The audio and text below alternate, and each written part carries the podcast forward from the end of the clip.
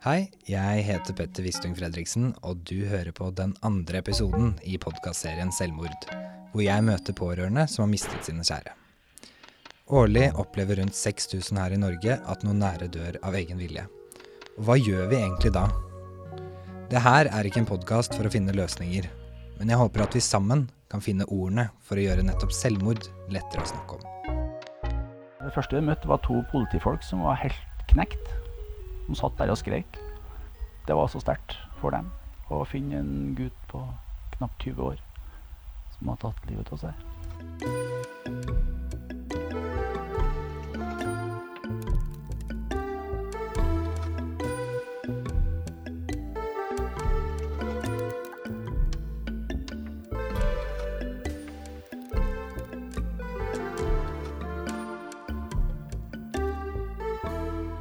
Denne episoden handler om å miste barnet sitt, og hvordan klare å leve videre etter det. Du lever jo med det mm, hver dag, eh, men eh, nå snakker jeg med Vetle relativt ofte. Jeg eh, har det fått det sånn. Det kan hende at det har med alderen å gjøre, men jeg har fått det sånn i alle fall hvis jeg går og leter etter noe. Som jeg er sikker på jeg vet hvor jeg er, og jeg ikke finner det, så sier jeg nå, Vetle. Nå er det nok. Nå har du skøya nok med meg. Og det Når jeg snur meg, da, så bruker jeg å finne det jeg leter etter.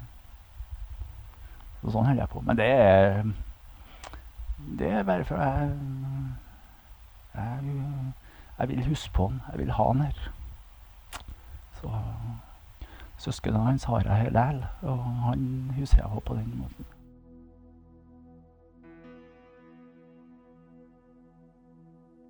Rundt to timer nord for Trondheim ligger Inderøy. På Røra togstasjon står Einar og venter på meg. Han er 69 år og en ordentlig stilig mann, som har på seg grønn pikéskjorte og røde bukser. Inderøy blir tidvis omtalt som Trøndelags svar på Toskana, og jeg kan se den. Mens vi kjører langs vannet, forteller Einar om alle kulturpersonlighetene som kommer herfra. Det må være noe i drikkevannet, sier jeg. Vi kjører inn i et superidyllisk nabolag. Huset til Einar er hvitt, og han har en helt nydelig utsikt over Borgenfjorden. Sammen med kona har han bodd her noen år, etter at de flytta fra huset hvor barna vokste opp. Da var de en familie på seks, storebror, to jenter og Vetle, som var yngstemann. Vi har satt oss i naustet til naboen, så du får unnskylde at eh, lyden kanskje er litt lav i denne episoden, så skru opp litt ekstra. Einar viser meg bilder av Vetle. Han har en typisk 90-tallssveis med masse hårgelé og lyse striper. Han har antydning til smilehull og smiler stort sett veldig stort på alle bildene.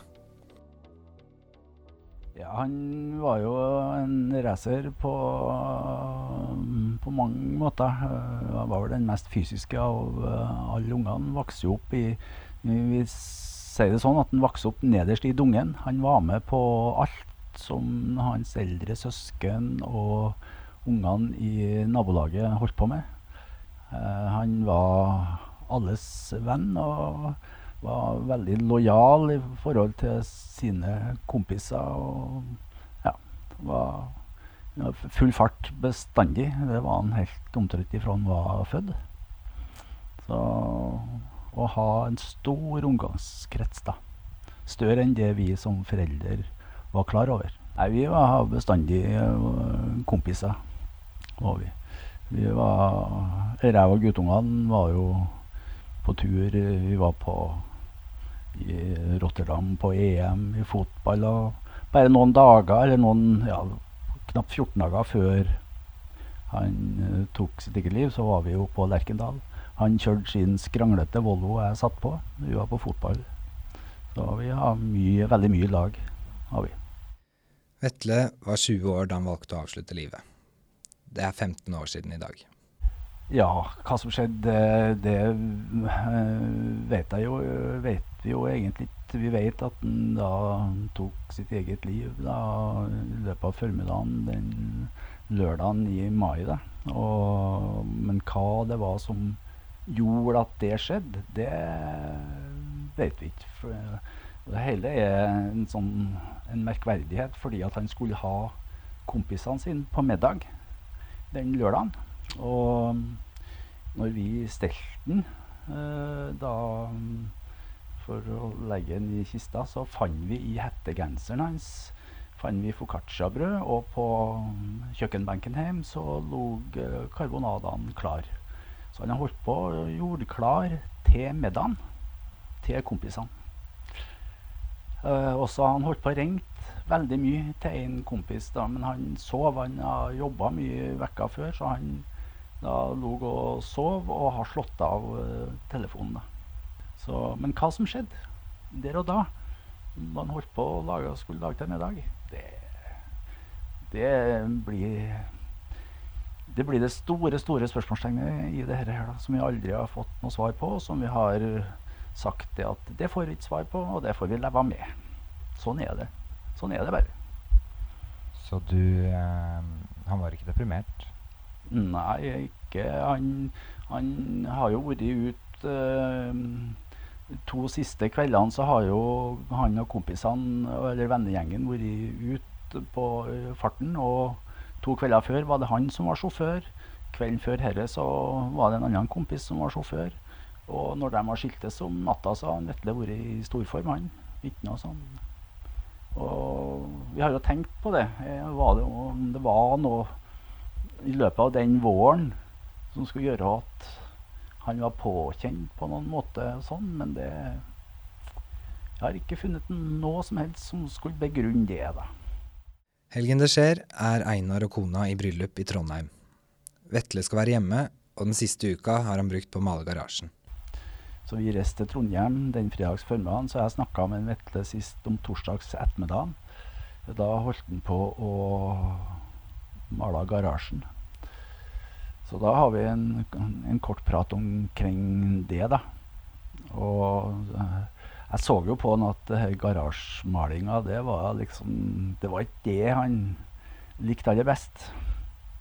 Men jeg har sagt det mange ganger etterpå at jeg er veldig glad for at jeg forholdt meg iskald til akkurat den observasjonen, og vi har en hyggelig samtale før uh, da vi for. Da. Så det. Det motsatte. Hvis det motsatt det har vært, at vi har skiltes den da med en krangel Ja. Jeg har tenkt litt på det, men jeg har bare skjøvet det til sides. Da tror jeg sorgbearbeiding og alt i, eh, etterpå har blitt langt mer komplisert enn det det ble. Så, Så, det var en hyggelig samtale? Det var en hyggelig samtale. Um, hva skjedde etterpå? Hva skjedde da du fikk uh, vite det? Mm. Ja, um, det er jo sånn, litt sånn risky sport å, å skal gjenfortelle det fordi at uh, sjokk yrket var så vidt tøft at jeg, jeg regner med at jeg har lagt og gjemt noe oppi hodet mitt av uh, det som hendte. Men vi var jo Etter den lørdagen så kjørte jo vi eh, Trondheim og ut på det huset vi har ut på um, Besaker ute på Trøndelagskysten. Og vi var akkurat kommet dit, og da vi fikk telefonen fra naboen som har funnet inn Vetle i garasjen. Og at vi måtte komme hjem, da, og at Vetle var død. Og det var kona mi som fikk den telefonen. Uh, og det var jo um, helt spesielle minutt. Det til vi ja, kom oss i bilen og, begynte å kjøre. Det er jo en kjøretur på en par timer hjem. da. Der at uh, vi tenkte alt ifra enn om ikke det er sant, og til at det var sant. Ja. Det var jo, ble jo stopp på turen hjem og alt sånt, for det var jo Det ene var jo at det var et psykisk sjokk, men det var Du ble jo helt utkjørt rent fysisk òg. For å kunne fullføre bilturen, så Ja. Det var jeg, jeg husker på vi stoppa, men noe mer vet jeg. jeg. Jeg kan ikke huske på hva vi snakka om, annet enn uh, noe som helst.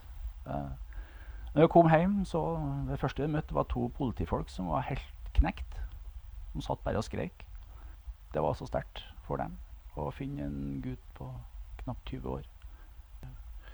Og det skjønner jeg uh, at det var. Jeg kjenner det sjøl når jeg begynner å snakke nå, så kjenner jeg nå er jeg tilbake igjen.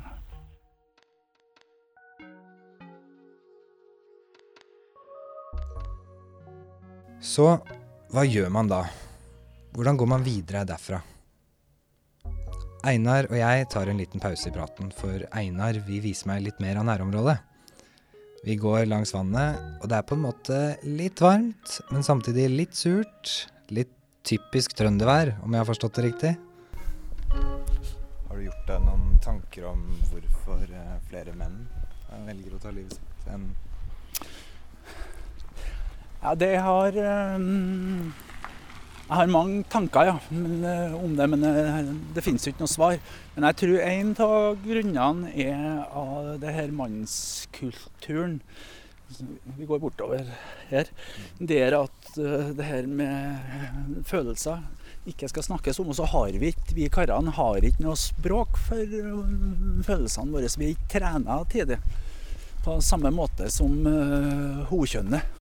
Men samtidig så er det noe med og det har jeg nå forstått etter hvert, at karenes måte å håndtere sorgen på er mer fysisk. Altså I sørsamisk tradisjon, i samisk tradisjon, så er det å hogge ved en del av sorgbearbeidinga. Det å gjøre noe fysisk. Og det å kanskje Det å forstå karenes sorgbearbeiding ut ifra fysisk aktivitet òg kan være noe. Men det her med språket er nok eh, Og det med kulturen. Karene skal være trygge. Og det forstås i den skal du stå der som en støtte og ikke vise noe følelser i hele tatt. Det, det er mange sånne ting. og og det, det, det, det taper vi på. Jeg, jeg, tror det ligger veldig, veldig mye i det. Tenker du Burde kanskje normalisere det å ha det vondt litt mer, da. Ja. For karer. Ja. Bare å få aksept for det at det er en del av livet. Ja. Sant? Det er det. Mm. Det å forstå altså, i den kulturen vi lever i nå. Så, og det er jo en sånn skummel utvikling. Så skal alt være så glatt og perfekt. Det, liksom, det skal være helt problemfritt. Du skal forstå livet som et sånt et løp på ei rosa sky. Men det er det jo ikke. Det har aldri vært det. Det kommer aldri til å bli det heller. For det er jo sjølve livet. Det, å, det med sorgen og gleda. Det er jo sjølve livet, det. Og det har vi glemt å snakke om.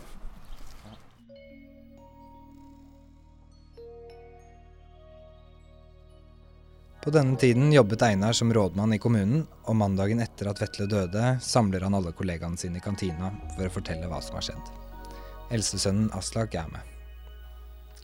Midt i sjokket og sorgen klarer Einar å velge åpenhet, og nettopp det blir en redning for han videre.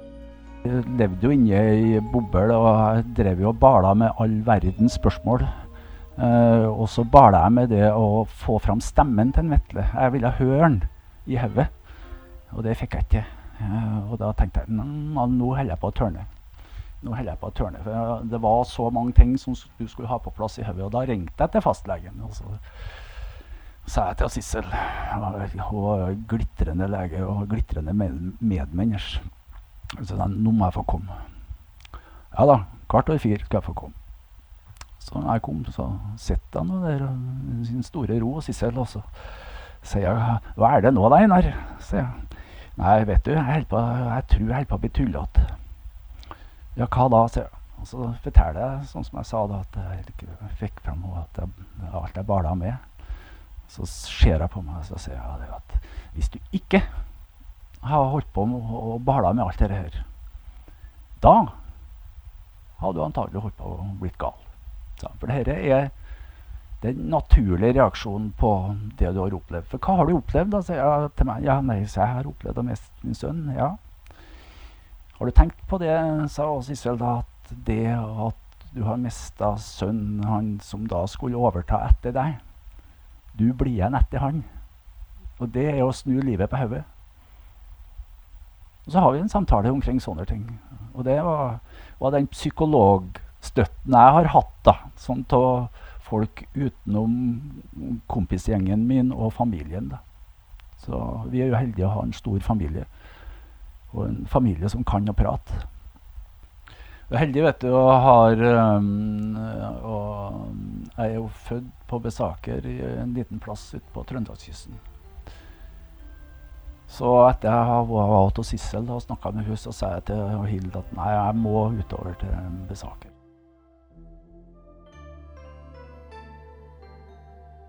Besaker er en liten bygd i Roan kommune, i det som før var Nord-Trøndelag. Det er en bygd med rundt 200 innbyggere, hvor alle kjenner alle. Her har Einar et lite hus. Besaker er kanskje best kjent for sin hav- og fiskekultur, naturen og en helt spesiell gjestfrihet. Jeg kom dit og gikk ned mot butikken. ja, det var sterkt.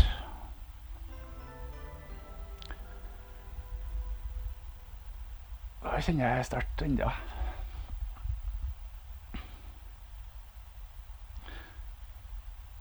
Ja, kom det en Uff.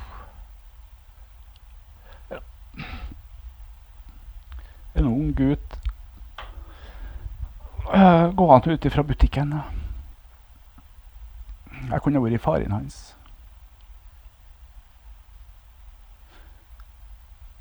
David heter han. Han kom og tok omkring meg og klemte meg.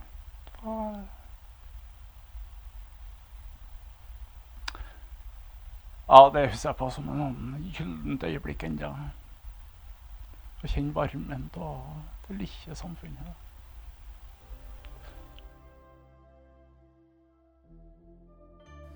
Einar blir på Besaker en ukes tid.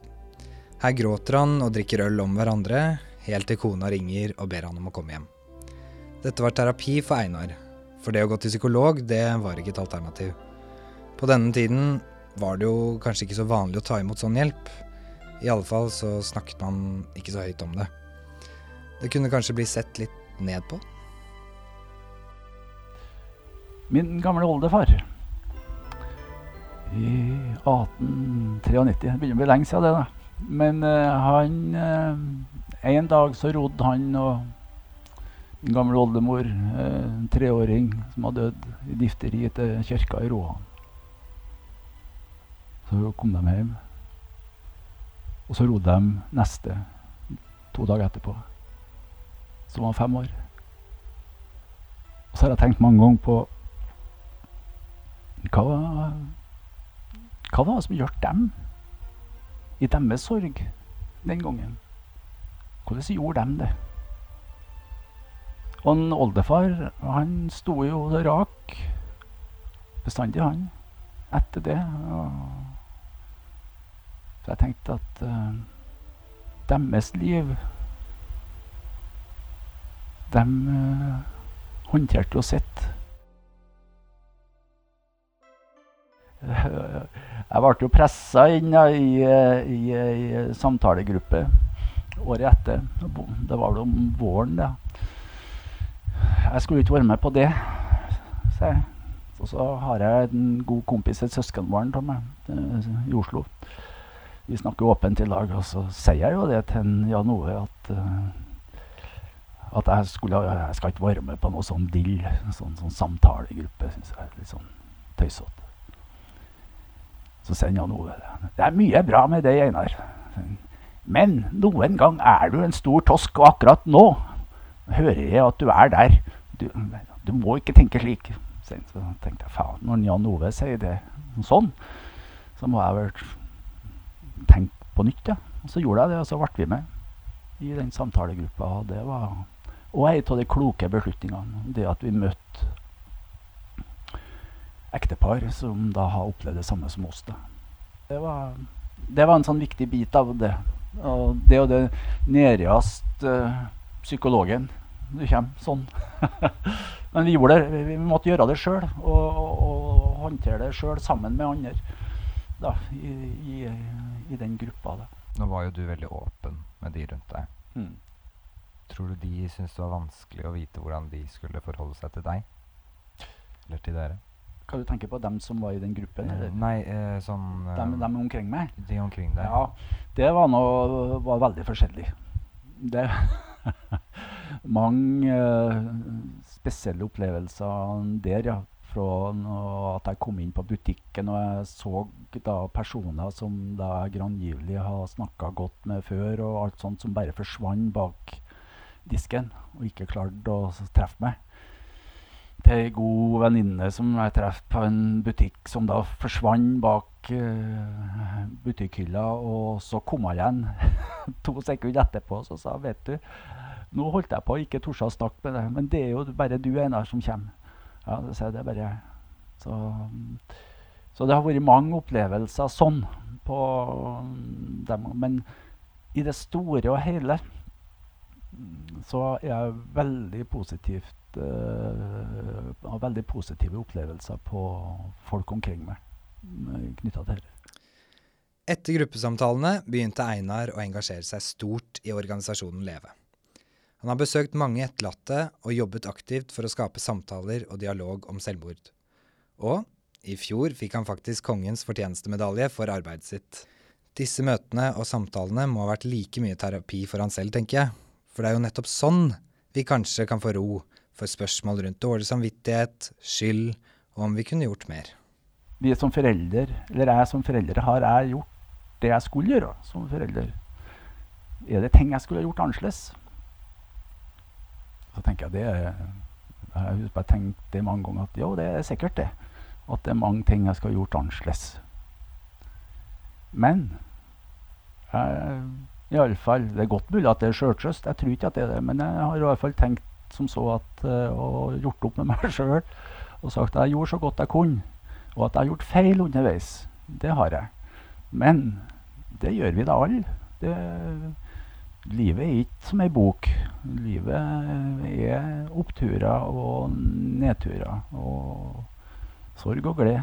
Så Og det Jeg tror det hjalp meg, mm, den erkjennelse av at Og det jeg mener sjøl, jeg har et ærlig oppgjør, oppgjør med meg sjøl, det å komme til det og jo. Jeg gjorde så godt jeg kunne. Og så, så la jeg til side den. Og det her med skamma knytta til det her med sjølmord, som mange føler, og det har øh, historiske røtter. Kirka har vært med på det og bidratt til det og, og, og mange ting. Den skamma har jeg ikke følt på. For hvorfor skulle jeg det? Hvorfor skulle jeg det? Når en Vetle eh, da valgte å av en eller annen grunn til å ta livet sitt, hvorfor skulle jeg skjemmes over det? Hvorfor skulle jeg skjemmes over en Vetle, som var en eh, glitrende gutt? I dag er Einar fortsatt gift med moren til Vetle. Han pensjonerte seg for noen år siden, har barnebarn som han møter titt og ofte, og har engasjert seg stort i miljøet. Spesielt i det han ser rett utenfor vinduet sitt, nemlig vannet og havet. Og så valgte det, valgt vi, å si det at um, Måten vi skal gå gjennom livet på etter dette det skal vi bestemme sjøl. Det, er- det er vi som kjenner på sorgen. Eh, Det er vi som kjenner på tempoet vi skal bevege oss videre i livet på. Uh, og vi skal velge sjøl hva som er viktig for oss. Uh, det holdt vi beinhardt fast på. I mange sammenhenger etterpå snakka om en Vetle, og vi har sagt det at en Vetle han skal eksistere videre i hodene våre og i samtalen i familien. Sånn at når, når- noen spør meg om hvor mange unger jeg har, så sier jeg fire.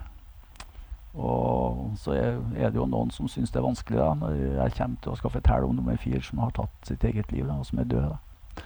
Men øh, jeg har valgt å gå inn i det med åpne øyne og fortsette å tørs i dag å si at Eller tørs uh, Jo, det går an å si det. Jeg har et godt liv. Og det, men jeg har lært vanvittig mye underveis.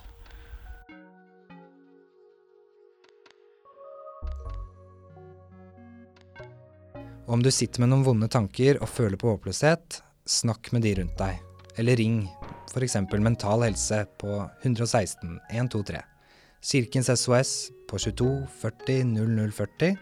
Om du trenger akutt hjelp, ikke nøl med å ringe 113. Alle telefonene er døgnåpne og vil virkelig hjelpe deg. Denne podkastserien er laget av Unge Leve i samarbeid med Monster. Produsent har vært Fride Næss Nonstad, og musikken er laget av Ivar Djurhus.